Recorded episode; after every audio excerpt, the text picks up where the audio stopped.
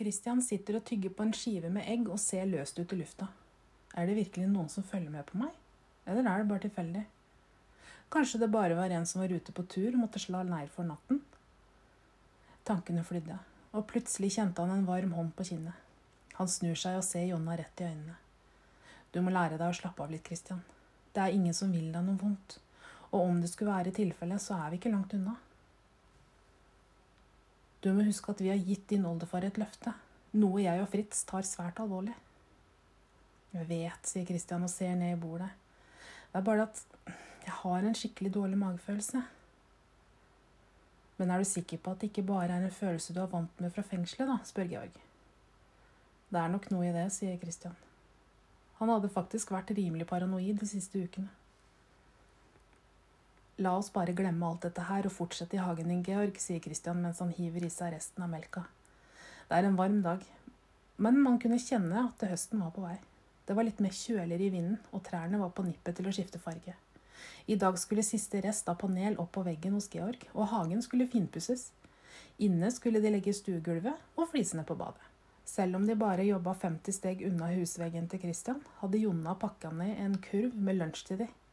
Hjemmebakt brød med brunost, egg og syltetøy som hun hadde laget med både markjordbær og blåbær. En termos med kaffe, og hun gikk frem og tilbake med iskaldt vann i termokopper. Selv om Jonna var en bestemt dame, så hadde hun et hjerte av gull. Fritz holdt mye på med papirarbeidet inne. Det var ikke bare bare å holde styr på oppussing og gods. Men han hadde tunga rett i munnen og gjorde alt etter boka. Christian ville så gjerne gi Fritz litt fri og foreslå andre oppgaver til han. Men han visste godt at det ikke gikk an å rikke han ut av denne plassen.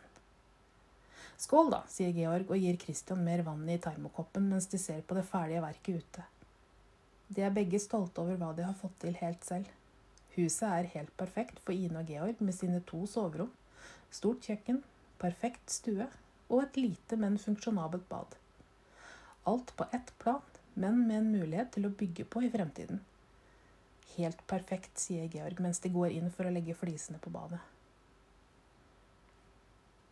Ja, nå er det virkelig ikke lenge igjen til Ine kommer, sier Christian mens han setter en flis på plass.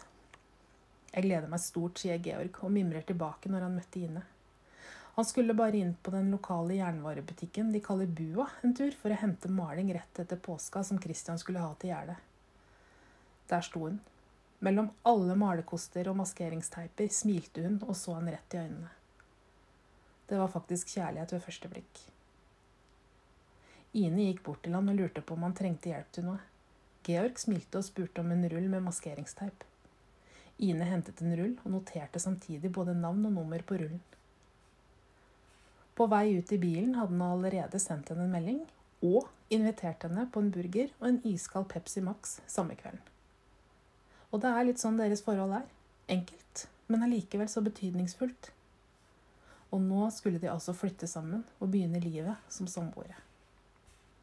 Christian hadde ikke tenkt å si noe mer om det de fant i skogen forrige dagen, men han klarte ikke å holde det inne lenger. Tror du det er noen ute der som følger med oss, Georg? Tenker du rundt husveggen? spør Georg. Ja, det er noe som ikke føles helt bra. Men altså om du vil, så kan jeg stikke ned og kjøpe overvåkningssystem med enda flere kameraer som vi kan sette opp rundt gjerdet. Det hadde jo vært helt fantastisk om du kunne ha gjort det, Georg. Han går med en gang ned til bilen og kjører av gårde. Christian følger godt med på at hovedporten blir lukka uten at noen kommer inn. Han må jo riste litt på hodet av seg selv også. Men det var noe som ikke stemte. Han gikk inn for å fortsette med å legge flisene og tar med seg en kopp kaffe. Jonna kommer ut for å holde han med selskap. Hun visste godt at Christian var redd for å være alene, men hun sa aldri noe om det. Fritz likeså. Selv om han var mye på kontoret, satt han også på loftet med kikkerten uten at Christian visste om det. De passet på han, og de visste at det kom til å skje noe snart. De bare visste ikke eksakt når. Se her, ja, sier Jonna og ser seg rundt i det nye huset. Her har det virkelig gått unna. Ja, vi er vel ferdig om et par uker, tenker jeg, sier Christian. Skal bli gøy å se reaksjonen til Ine når hun ser dette, sier Jonna. Plutselig hører de noe som rører seg inn i skogen bak gjerdet. Både Jonna og Christian stopper opp og står helt i ro for å lokalisere lyden. Det høres ut som det er noen rett bak huset. Jonna drar opp en kniv fra forkleet sitt. Christian hever øyenbryna og blir rimelig sjokkert over at selveste husmora oppfører seg som reine Tom Brader. Men han hadde sin trofaste kniv godt inntil ankelen selv, så han skulle virkelig ikke si noe.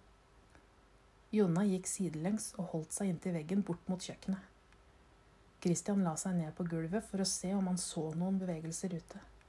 Det mangla en list ved utgangsdøra, så den ga en god oversikt. De kunne ikke høre eller se noe mer, så de gikk ned til porten for å vente på Georg. Hva i alle dager er det som foregår, sier Christian. Jonna ser på han og spør om han fortsatt har amuletten rundt halsen. Ja, den sitter godt der, den, sier Christian og viser henne. Godt. La den sitte der fra nå av, sier Jonna og åpner porten idet Georg kommer kjørende inn. Og hva skjer her, spør Georg idet han kommer ut fra bilen. De forteller hva som har skjedd, og hjelper til med å ta ut to poser fulle av overvåkningsutstyr. De var kjappe med å sette opp systemet på kontoret. Det ble kamera på både innsiden og utsiden av gjerdet. Porten ble kobla opp, og alle fikk tilgang via telefonene sine. Og de kunne også kommunisere om det skulle skje noe. Jonna og Fritz gikk ned mens gutta ble værende igjen på kontoret for å se på kameraene. Så du noe? spurte Jonna. Dessverre ja, sier Fritz. Skal vi fortelle om det? Nei, ikke ennå. Han må først begynne å tro. Men vi ikke noe men, Jonna. En ordre er en ordre, sier Fritz. Denne kvelden gikk Christian og la seg uten å sjekke verken vinduer eller dører. Han var utslitt av å være så redd. Han sjekket heller alt via telefonen sin. Det var ikke noe å se. Han var trygg nå. Våkne opp! Christian hopper så telefonen faller i gulvet.